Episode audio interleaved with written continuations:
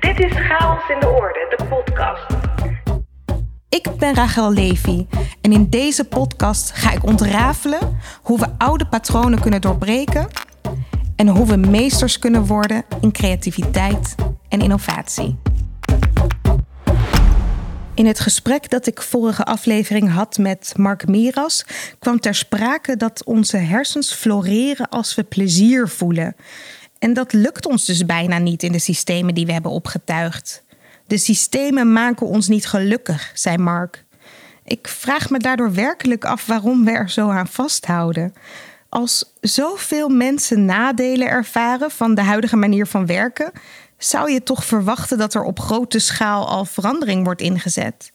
En toch hoor ik nog vaak terug: we doen het nu eenmaal zo. Maar ik heb iemand gevonden die misschien wel weet waar onze creativiteit is gebleven. Chaos in de orde. De zoektocht. Ik, ik denk dat hij er ergens nog wel is, uh, maar dat er heel veel laagjes overheen uh, zijn gekomen, zo langzamerhand. Ja, laagjes, uh, regels, procedures, heel veel laagjes die in mijn hoofd uit papier bestaan. Um, ik hoop vooral ook dat de creativiteit er nog is. Je hoort Zaakje Bakker, faalkundige en bedrijfskundig verwonderaar. Ik dacht ineens, misschien zijn we vergeten hoe we voorop kunnen lopen in vernieuwingen, omdat we in Nederland sowieso nooit zo gestimuleerd worden om onze nek uit te steken. Doe maar gewoon, dan doe je al gek genoeg. Misschien zijn we collectief bang geworden om iets te doen dat afwijkt, uh, bang om te falen misschien. Ik vraag Zaakje als professioneel verwonderaar wat haar het meest verwondert. Heel eerlijk, ja, soms als ik bij een, uh, en ik kan natuurlijk nu geen naam noemen, maar soms als ik bij een opdrachtgever zit, dan heb ik het wel eens het idee dat ik een soort live assessment of zo ben. Alleen dan van de jaren 70 of 80 of begin jaren 90 of zo. Dan zit ik daar te kijken en dan denk ik van, wat is dit werkelijk waar dat dit nog zo gaat? Ik haal even één sessie uh, uh, even voor mijn ogen, waar, waarbij ik in het, ik was in het, al in het ochtendprogramma en in het middagprogramma zou ik iets doen. En daar werden presentaties gegeven waarbij nou werkelijk elke vorm van, van creativiteit, als die er nog was, werd die daar vakkundig gekild. Alleen al door de kwaliteit van de presentatie, de woorden die gebruikt werden. En het klinkt heel negatief als ik het zo zeg, maar ik, ik dacht zelf ook van, ook ik zou hier zwaar ongeïnspireerd van raken. En dit moet dan het voorbeeld zijn. Saakje schetst het beeld van een soort candid camera. Alsof er expres een bizarre werkelijkheid is gecreëerd om haar te testen. Ik heb in organisaties ook vaak het gevoel dat iedereen op een bevlogen manier meedoet aan een slecht toneelstuk. In vergaderingen bijvoorbeeld, waar mensen massaal zijn afgehaakt, maar niemand opstaat. Saakje blijft zich hierover verwonderen, maar ze herkent het ook heel goed, want ze werkte zelf ook in zo'n omgeving. Ik vraag haar of ze zich dit nog kan herinneren. Ja, eentje, daar moet ik onmiddellijk aan denken. Eén een van de herinneringen die meteen op kon ploppen is, dat was redelijk aan het begin van mijn carrière. Toen was ik, um, bij, was ik teammanager bij de salarisadministratie. En ik was op een gegeven moment was ik verantwoordelijk voor een groep bestandscontroleurs. Wij deden de, nou ja, de salarisadministratie van een ministerie. En toen had ik een quote had ik op mijn uh, zo'n soort whiteboard geschreven. En dat was: Al is de fout nog zo snel, bestandscontrole achterhaalt hem wel. Het voorbeeld dat Zaakje noemt is typisch voor onze hang naar orde. Fouten maken voorkomen. Zo snel en efficiënt mogelijk werken. Hoe lukt het in zo'n systeem om toch creatief te zijn? In het begin was, was het voor mij lastig. Um, en dat had er ook mee te maken omdat als een soort high potential jonge leidinggevende uh, ik ook wel een soort druk voelde van oh, dan moet ik het ook laten zien. En dat, dat is nou niet echt zeg maar, het ultieme klimaat om lekker te gaan experimenteren en te denken van hé. Hey. En, en ik had, uh, nu vraag ik me wel af, van, ja, was dat echt zo? Of was dat met name mijn eigen verwachtingspatroon? Nou, natuurlijk dat laatste. We leggen onszelf een verwachtingspatroon op. Waarin werk gaat over presteren, serieus presteren. Het lijkt wel of we dan makke schaapjes worden. We fietsen in onze vrije tijd wel door rood, maar op ons werk vinden we het lastig om dat rebelse in te zetten. Ja, ik denk dat er ook wel een soort angst of zo bij komt kijken. Ehm, mijn eerste gedachte is, is van, ja, als je door rood fietst, dan, nou ja, ik denk dat je dan vrij snel even een hele snelle calculatie maakt van kom ik ermee weg of niet. Um, want wie fietst door rood als, die, als er een politieauto naast hem staat? Ja. Nee, ik ook niet. Uh, en al, ik betrap mezelf er soms ook op dat ik gewoon denk van, oh, kom ik hem weg? Oké, okay, echt gaan. En dit is geen pleidooi voor uh, door rood. maar er, zit, ja, er zit wel iets, iets voor mij in dat, dat um, ja, zeker ook in organisaties. Hè, um, er wordt naar gekeken. Je hebt functioneringsgesprekken, je hebt beoordelingsgesprekken. Um, ik, ik denk dat veel mensen, zo heb ik het zelf destijds ook wel gevoeld, van ik moet wel laten zien wat ik kan. En, en het wordt beoordeeld. En um, daarmee ook heel erg bezig zijn met, met doen waarvan ik denk uh, dat de ander dat van mij verwacht. Uh, in plaats van van mezelf uitgaan, denken van hé, hey, wat, wat denk ik, wat voel ik, wat er nodig is, wat vraagt deze organisatie van mij en dat uh, neerzetten. Maar dat vraagt ook, en misschien is dat ook wel het ontwikkelproces, dat vraagt ook dat je steeds meer een soort basis in jezelf um, voelt, een soort bodem van oké, misschien is iemand er niet mee eens of, of vindt die er weet ik veel wat van. Ik doe het toch. Wat Zaakje zegt herken ik. Toen ik voor het eerst in een bureaucratische organisatie werkte, was ik vooral bezig met leren hoe het systeem werkte en wat er van mij werd verwacht. Pas later zag ik mijn eigen rol in, in het instand houden van het systeem. En ging ik mezelf toestaan om daarmee te spelen. Ja, dat is heel herkenbaar.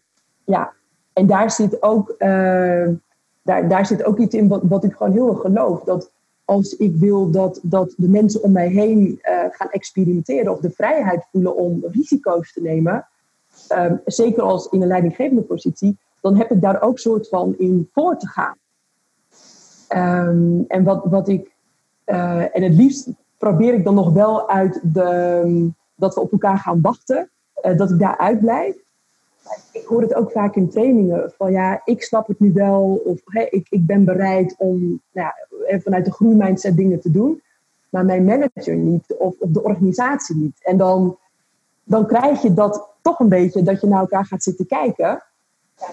Dat wachten. En dan hoop ik altijd dat um, iemand op een gegeven moment denkt: oké, okay, nou, uh, whatever it takes, ik ga. En ik zie wel wat er gebeurt. Ik ga en ik zie wel wat er gebeurt. Maar hoe dan? Ja, ik, nou, ik ben op dit moment, ik kan hem even zien, ik ben in, in dit boek uh, Durf te Leiden van Brené Brown ben ik, uh, aan het lezen. En, en dat gaat ook heel erg hierover. Um, en ik denk dat, dat, dat de basis, ja, die begint of staat, of nee, die staat of valt met vertrouwen. Um, hè, als jij in een, in een onveilige omgeving zit, ja, dan kijk je wel uit. Vertrouwen vanuit je omgeving of in jezelf? Dat, dat, dat is denk ik ook um, hopelijk de ontwikkeling die, die, die we dan doormaken. Dat we eerst nog een soort van het vertrouwen buiten ons zoeken. Dan moet het in managers, in organisaties, in weet ik veel wat zijn. Maar dat je uiteindelijk genoeg vertrouwen in jezelf hebt. Dat je denkt, oké, wat er allemaal om me heen gebeurt, uh, ik vertrouw op mezelf. En dat, dat geeft volgens mij een hele vrije uitgangspositie om te handelen. En ik, ik las, um, gisteren las ik een stukje, dat raakte me ook zo hierin. Dat, um, dat ging over van, um, zou je springen als je niet weet hoe je valt of hoe je moet vallen? En toen moest ik ook aan, aan uh, bijvoorbeeld kinderen die na, of mensen die judo-lessen gaan volgen, die leren ook hoe ze moeten vallen. Um, Brené Brown die noemt een, een voorbeeld uit skydiven. Daar leer je ook hoe je gaat landen. En toen, dat zette mij zo aan het nadenken dat ik dacht van, als je niet weet hoe je moet landen of hoe je je eigen val moet opvangen, zou je dan überhaupt nog springen? Als je niet weet hoe je moet landen, zou je dan nog springen? Wat leren wij nu niet, waardoor we in ons werk misschien veel te weinig de sprong wagen en iets nieuws proberen? Ik, ik noem het wel eens uh, faaleelt. Faaleelt. We hebben te weinig faaleelt. Daarom durven we geen fouten te maken.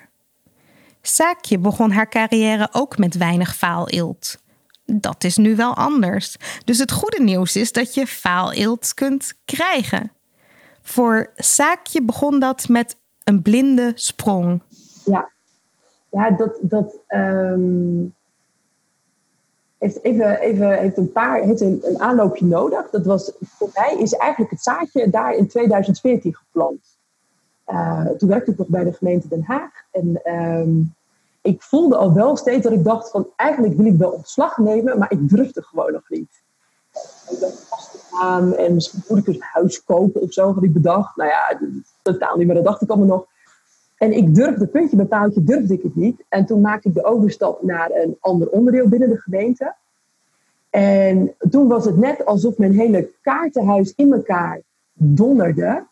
Uh, die functie en ik, dat waren niet echt een, een nou, match made in heaven bleek. Ehm, privé speelde een aantal dingen en nou, zo kwamen er allemaal zeg maar, verhaallijnen bij elkaar. Dat ik op een gegeven moment op het punt stond van, wat is nu voor mij het belangrijkste? Is dat mijn zekerheid of is dat mijn gezondheid? En toen dacht ik, oké, maar dit is geen keus. Uh, tuurlijk is dat mijn gezondheid. En toen heb ik uh, nou, mezelf ontslagen. Uh, toen ben ik echt gesprongen. Een kaartenhuis dat in elkaar dondert. Chaos in de orde. Ineens was er de noodzaak om te springen, zonder te weten hoe je landt. Zaakje sprong en ineens was daar die zee van ruimte. Maar ruimte betekent niet dat er ook meteen ideeën zijn.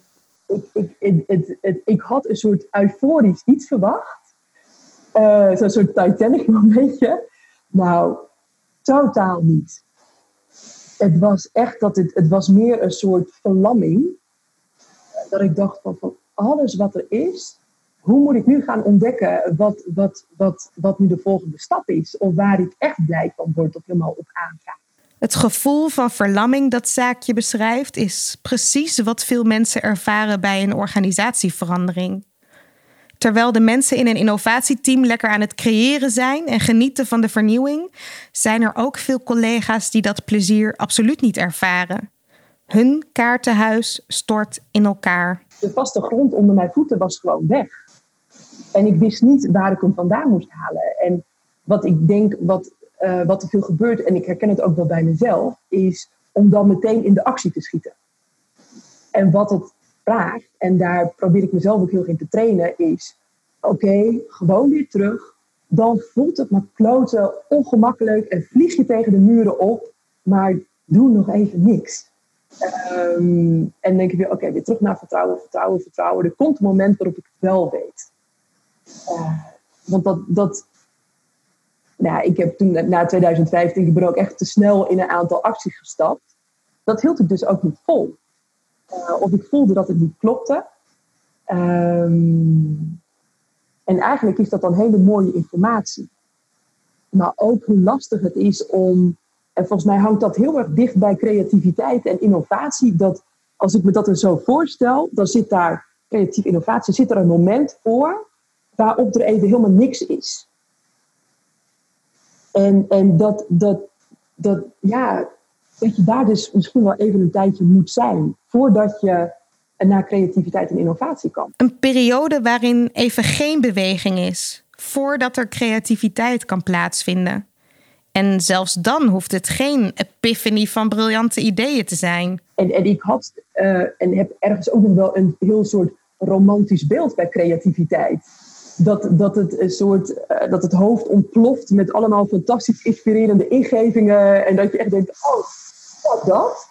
Um, maar ik ervaar het soms ook echt wel als een soort um, taai iets, waarbij ik door allemaal laagjes, als ik even kijk naar mezelf, dan eerst door allemaal laagjes bij mezelf heen moet. En dat oh, ik kan geen laagjes overslaan of, of via een soort uh, bypass proberen even ergens zo omheen te sneaken. Ik moet er gewoon doorheen. Oké, geen epiphany van ideeën dus. Dat kan wel, zeker. Die momenten zijn er. Ik, ik heb ze genoeg. Maar het is veel vaker het proces van uitproberen. Nog eens iets onderzoeken. Het even laten liggen voordat ideeën vorm krijgen. En ik heb dat ook wel als ik uh, bijvoorbeeld in één keer in de supermarkt zo sta en ik hoor een bepaald liedje. Dan in één keer is echt zo klik, klik, klik, klik, klik, klik, klik. Uh, en dan, dan zit de versnelling, terwijl daarvoor uh, ook gewoon frustratie kan zitten. Ja, en volgens mij is creativiteit, uh, innovatie en forceren, dat is niet zo'n denderende combinatie. Zaakje maakt zich hard voor het mogen falen in organisaties. Wie aan zaakje denkt, denkt aan falen. Maar ik moest bijvoorbeeld heel erg lachen twee jaar, twee jaar geleden. Nee, vorig jaar was bij de Nacht voor de Filosofie. Was het thema Ik faal, dus ik besta. En toen werd ik dus heel vaak benaderd. en dat ik natuurlijk superleuk. Maar ook dat ik dacht van, hé, hey, mensen die, die denken dus falen. Oh, dan moeten we een zaakje hebben. En dat ik ook even dacht, maar is dat eigenlijk wel zo'n hele goede associatie? Uh, ja, waar ze me eigenlijk voor moeten hebben, is um, wat ik hoop, wat ik dan breng, is dat iemand denkt van, oh ja, weet je, dan heb ik een keer een misstap, dan faal ik een keer. Weet je, uh, knietjes afwegen en gewoon weer opstaan en doorgaan. Dus eigenlijk hebben organisaties helemaal geen zaakje nodig? Vallen, knietjes afwegen en doorgaan. Nee, maar soms is er wel iemand nodig die, die, uh, die je dat nog een keer vertelt. Wat je eigenlijk al weet, maar wat je gewoon vergeet om, jezelf, om tegen jezelf te zeggen op het moment dat je er middenin zit. En juist dat helpen herinneren aan onze blinde vlekken lijkt zo belangrijk. We zijn gewoontedieren. We doen graag wat we altijd al deden, ook al is het niet per se productief. Maar die cultuur veranderen, dat is een taaie opgave. Ja, dat, dat denk ik ook. En dat, en dat is ook zo'n. Uh, cultuur is ook zo'n groot iets. Dus in mijn beleving is het zo groot. Dan denk ik, waar zit het beginnetje van cultuur? Ja, en ik kom dan altijd bij mezelf uit. Um, en hopen dat, he, dat, dat heel veel mensen dat denken van... hé, hey, het beginnetje zit toch echt bij mij. En vanuit daar uh, verbinden en, ik zal bijna zeggen, opschalen.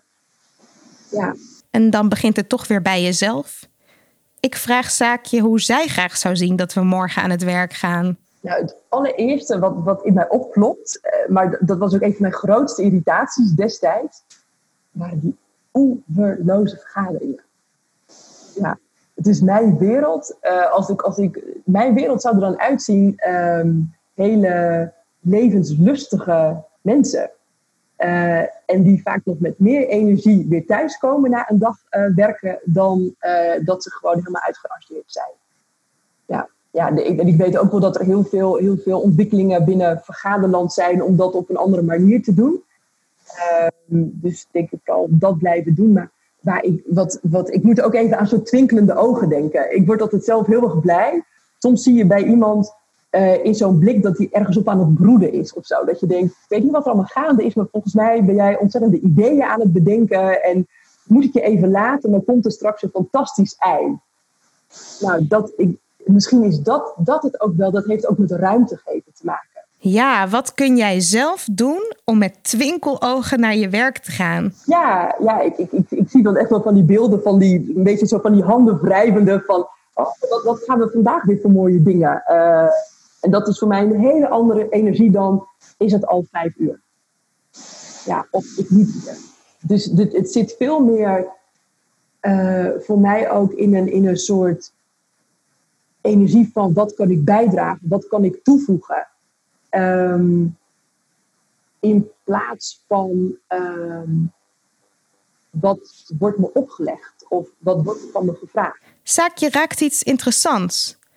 Eigenlijk gaat het veel meer over de intentie waarmee je aan het werk gaat. En niet zozeer over het beheersen van creatieve tools. Ja, ik, ik denk dat als je intentie niet oké okay is, dan kan je tools aanslepen tot je in ons weegt, maar dat gaat hem niet doen. Dat gaat hem niet worden. Maar als je intentie zit op, uh, ik ben verantwoordelijk voor de energie die ik meebreng, in welke setting ik dan ook ben, uh, nou, dat, dat doet al zoveel. Werkvormen om creatief te denken zijn er genoeg. Je kunt dankzij internet binnen 10 minuten kosteloos over allerlei methoden beschikken. Het ontbreken van werkvormen kan dus niet ons probleem zijn. Maar zetten we ze in met de juiste intentie? Ja, precies. Want anders leg je het eigenlijk weer buiten jezelf in een ding. Uh, en volgens mij start het echt van binnen. Niet verschuilen. Het is een terugkerend thema in de gesprekken die ik tot nu toe heb gehad. Niet verschuilen achter protocollen, niet verschuilen achter je omgeving, niet verschuilen achter werkvormen. In beweging komen zonder dat je weet hoe je een val kunt breken. Saakje verwijst naar Brene Brown en haar boek Durf te leiden. Als creatieve koploper zet je in al je kwetsbaarheid een stap naar voren in de arena. En rondom jou zitten allemaal mensen die daar iets van vinden. Wel kritiek hebben op de ander, zonder dat je zelf in die arena staat. Ja, ja dat stuk wat ze ook op een gegeven moment ehm, ook in talks benoemen, maar ook in het boek, is dat er ook zegt van ja, mensen die willen toch op de, de cheap seats zitten. Um, zeg maar, ik, ik neem van niemand kritiek aan die zelf ook in de arena staat. En toen dacht ik, oh, dat vind ik zo mooi. Ja. Neem van niemand kritiek aan als die niet ook in de arena staat. Alleen maar kritiek of, of feedback accepteren van mensen die zelf in de arena staan. Ja, maar die, die vraagt, vind ik, ook echt wel iets uh, van jezelf. Om, om daar echt een grens in te trekken. Saakje is haar arena ingestapt en heeft 100% verantwoordelijkheid genomen voor haar eigen realiteit. Ze heeft inmiddels haar eigen creativiteit weer helemaal teruggevonden. Um, de grootste verandering is dat, dat um, ik denk dat ik in, in, in de jaren tot 2014 ontzettend mijn eigen creativiteit heb weggedrukt.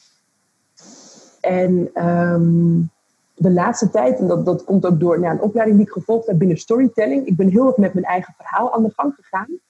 En ik was vroeger een meisje van de verhalen schrijven, uh, lezen, knutselen, alleen maar dromen, fantaseren, creatief doen. Um, en dat is op een of andere manier ben ik compleet van dat spoor afgeraakt. Uh, en ben ik echt letterlijk opgestegen naar mijn hoofd in de analyse, um, hoppakee, en lekker en fijn. Um, maar sinds ik ja, gestopt ben om, om um, nou, binnen een kantoorzetting te werken, eh, heb ik mezelf veel meer ruimte gegeven om weer opnieuw te ontdekken van waar word ik echt veel blij van. Voor veel luisteraars zal het herkenbaar zijn. Je was creatief, maar ergens in het volwassen worden ben je naar je hoofd opgestegen. Ik vraag Saakje hoe zij daar weer uit is gekomen. Ik ben uh, improvisatietheater gaan doen. Ja, en dat was voor mij, ehm, eh, omdat ik altijd wel zoiets had van, nou, als ik, als ik echt later, als ik groot ben, als ik heel stoer zou zijn, dan zou ik heel graag willen spreken voor mensen. Want ik dacht, oké, maar dat is echt pas voor over heel veel jaar, dan moet nog heel veel gebeuren. En toen dacht ik, was de eerste stap die ik kan zetten. Um, ik denk, dan moet ik dat ik op een podium kom. Hoeft nog niet voor veel publiek, maar ik wil wel um, beginnen met me vrij en onbevangen op een podium voelen. Nou, daar is theatersport, het improvisatietheater, in mijn geval uh, perfect voor. Ik vraag nog even door welke principes van improvisatietheater ons allemaal misschien wel kunnen helpen. Een van, van de allermooiste principes vind ik uh, accepteren wat er gebeurt. En dat zeg ik, dan, dan zeg ik niet dat ik het ermee eens ben. Um, ik zeg wel dat ik me er niet tegen uh, verzet. Ja, eerst maar eens, oké, dus dit gebeurt er. Oké, oké, nou en voel dan maar even wat het doet. Uh, maar ja, ik denk een heel simpel, ook met alle ontwikkelingen, je kan willen dat het er niet is. Uh, maar het is er. Ik wil ook wel eens niet dat het regent. Maar als het regent, regent het toch gewoon echt. Ja, dus dan ben ik degene die iets moet gaan doen. Dus het gaat voor mij ook heel erg over een soort innerlijke flexibiliteit. Um, en ook nieuwsgierigheid. Uh, want ik weet nooit wat mijn medespelers gaan doen.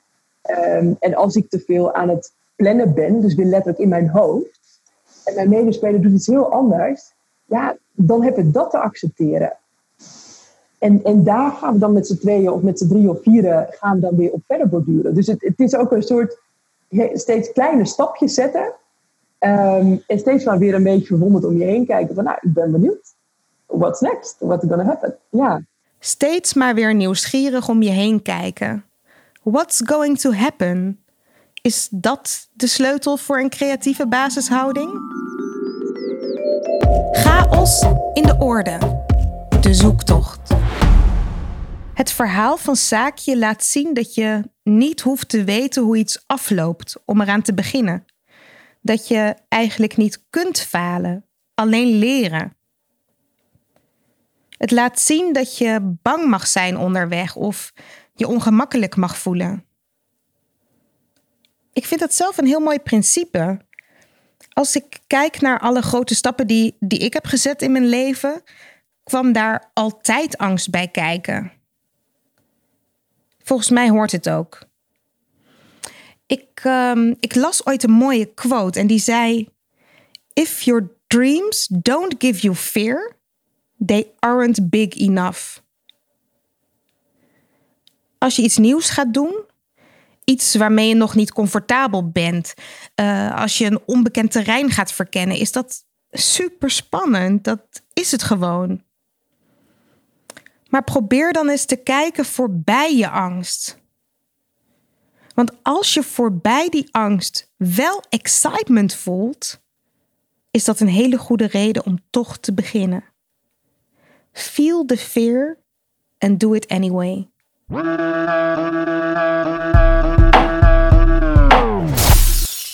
Het struikelblok. Als je verandert in een organisatie, of die nou klein of groot is, gaat die nooit vanzelf. En gelukkig maar. Want anders heb je als verandermanager niets te doen. Um, als veranderaar um, moet je een dikke huid hebben. Um, en dat bedoel ik niet dat je moet kunnen incasseren. Nou ja, misschien ook wel een beetje. Maar je moet vooral beseffen dat um, mensen um, in de organisatie angsten hebben. Dat ze moeten wennen aan de situatie.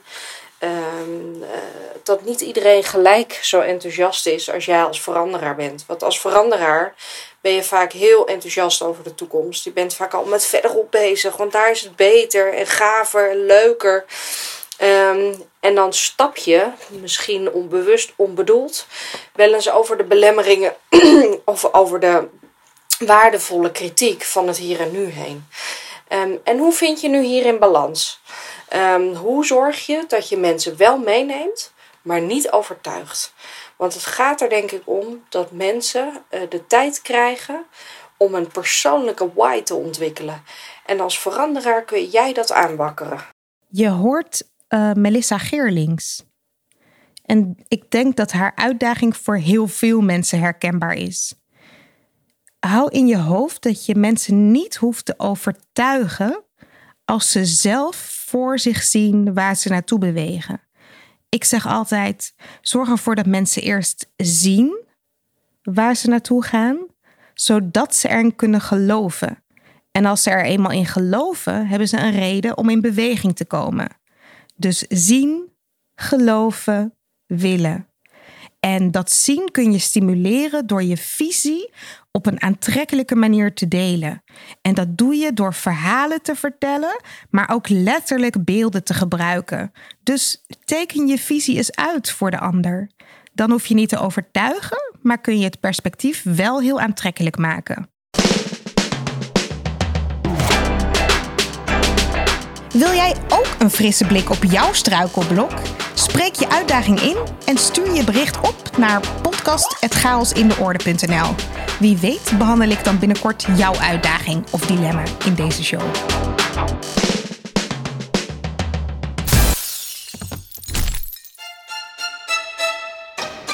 Het jargongedicht. Het landschap van de toekomst de ongewenste optelsom van uiteenlopende sectorale ruimteclaims en ruimtelijke ingrepen.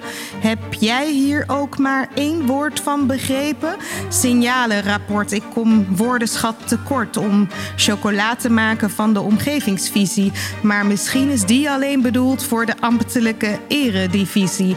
Landschapsinclusief omgevingsbeleid, omdat we streven naar de zekerheid dat verschillende ruimtelijke opgaven in onderlinge samenhang worden ingevuld? Sorry, maar voor dit soort zinnen heb ik echt geen geduld. Jouw jargongedicht in deze podcast? Stuur je gedicht in via podcast.chaosindeorde.nl en dan is jouw gedicht binnenkort hier te beluisteren. Takeaway to go. De takeaway van deze week gaat over falen. Wanneer had jij voor het laatst het gevoel dat je faalde in je werk? Kijk nou nog eens naar die situatie. Heb je echt gefaald? Of heb je geleerd? En kun jij misschien door anders naar de situatie te kijken weer een stap naar voren zetten? Zonder angst om te falen, maar met de intentie om te leren. Creativiteit, innovatie. Het lijkt omgeven door een mysterieuze mist. Een geheim voor briljante breinen en getalenteerde kunstenaars. En toch, het moet toch voor iedereen toegankelijk zijn? Aflevering voor aflevering graaf ik steeds een stukje dieper. Ben jij enthousiast? Abonneer je dan op deze podcast en laat een review achter in de app waarmee je luistert. Hoe meer reviews we ontvangen, hoe meer mensen deze podcast kunnen vinden. Zo zorgen we samen voor meer chaos in de orde. Wil jij zelf chaos in de orde brengen? Download dan gratis het e-book Chaos.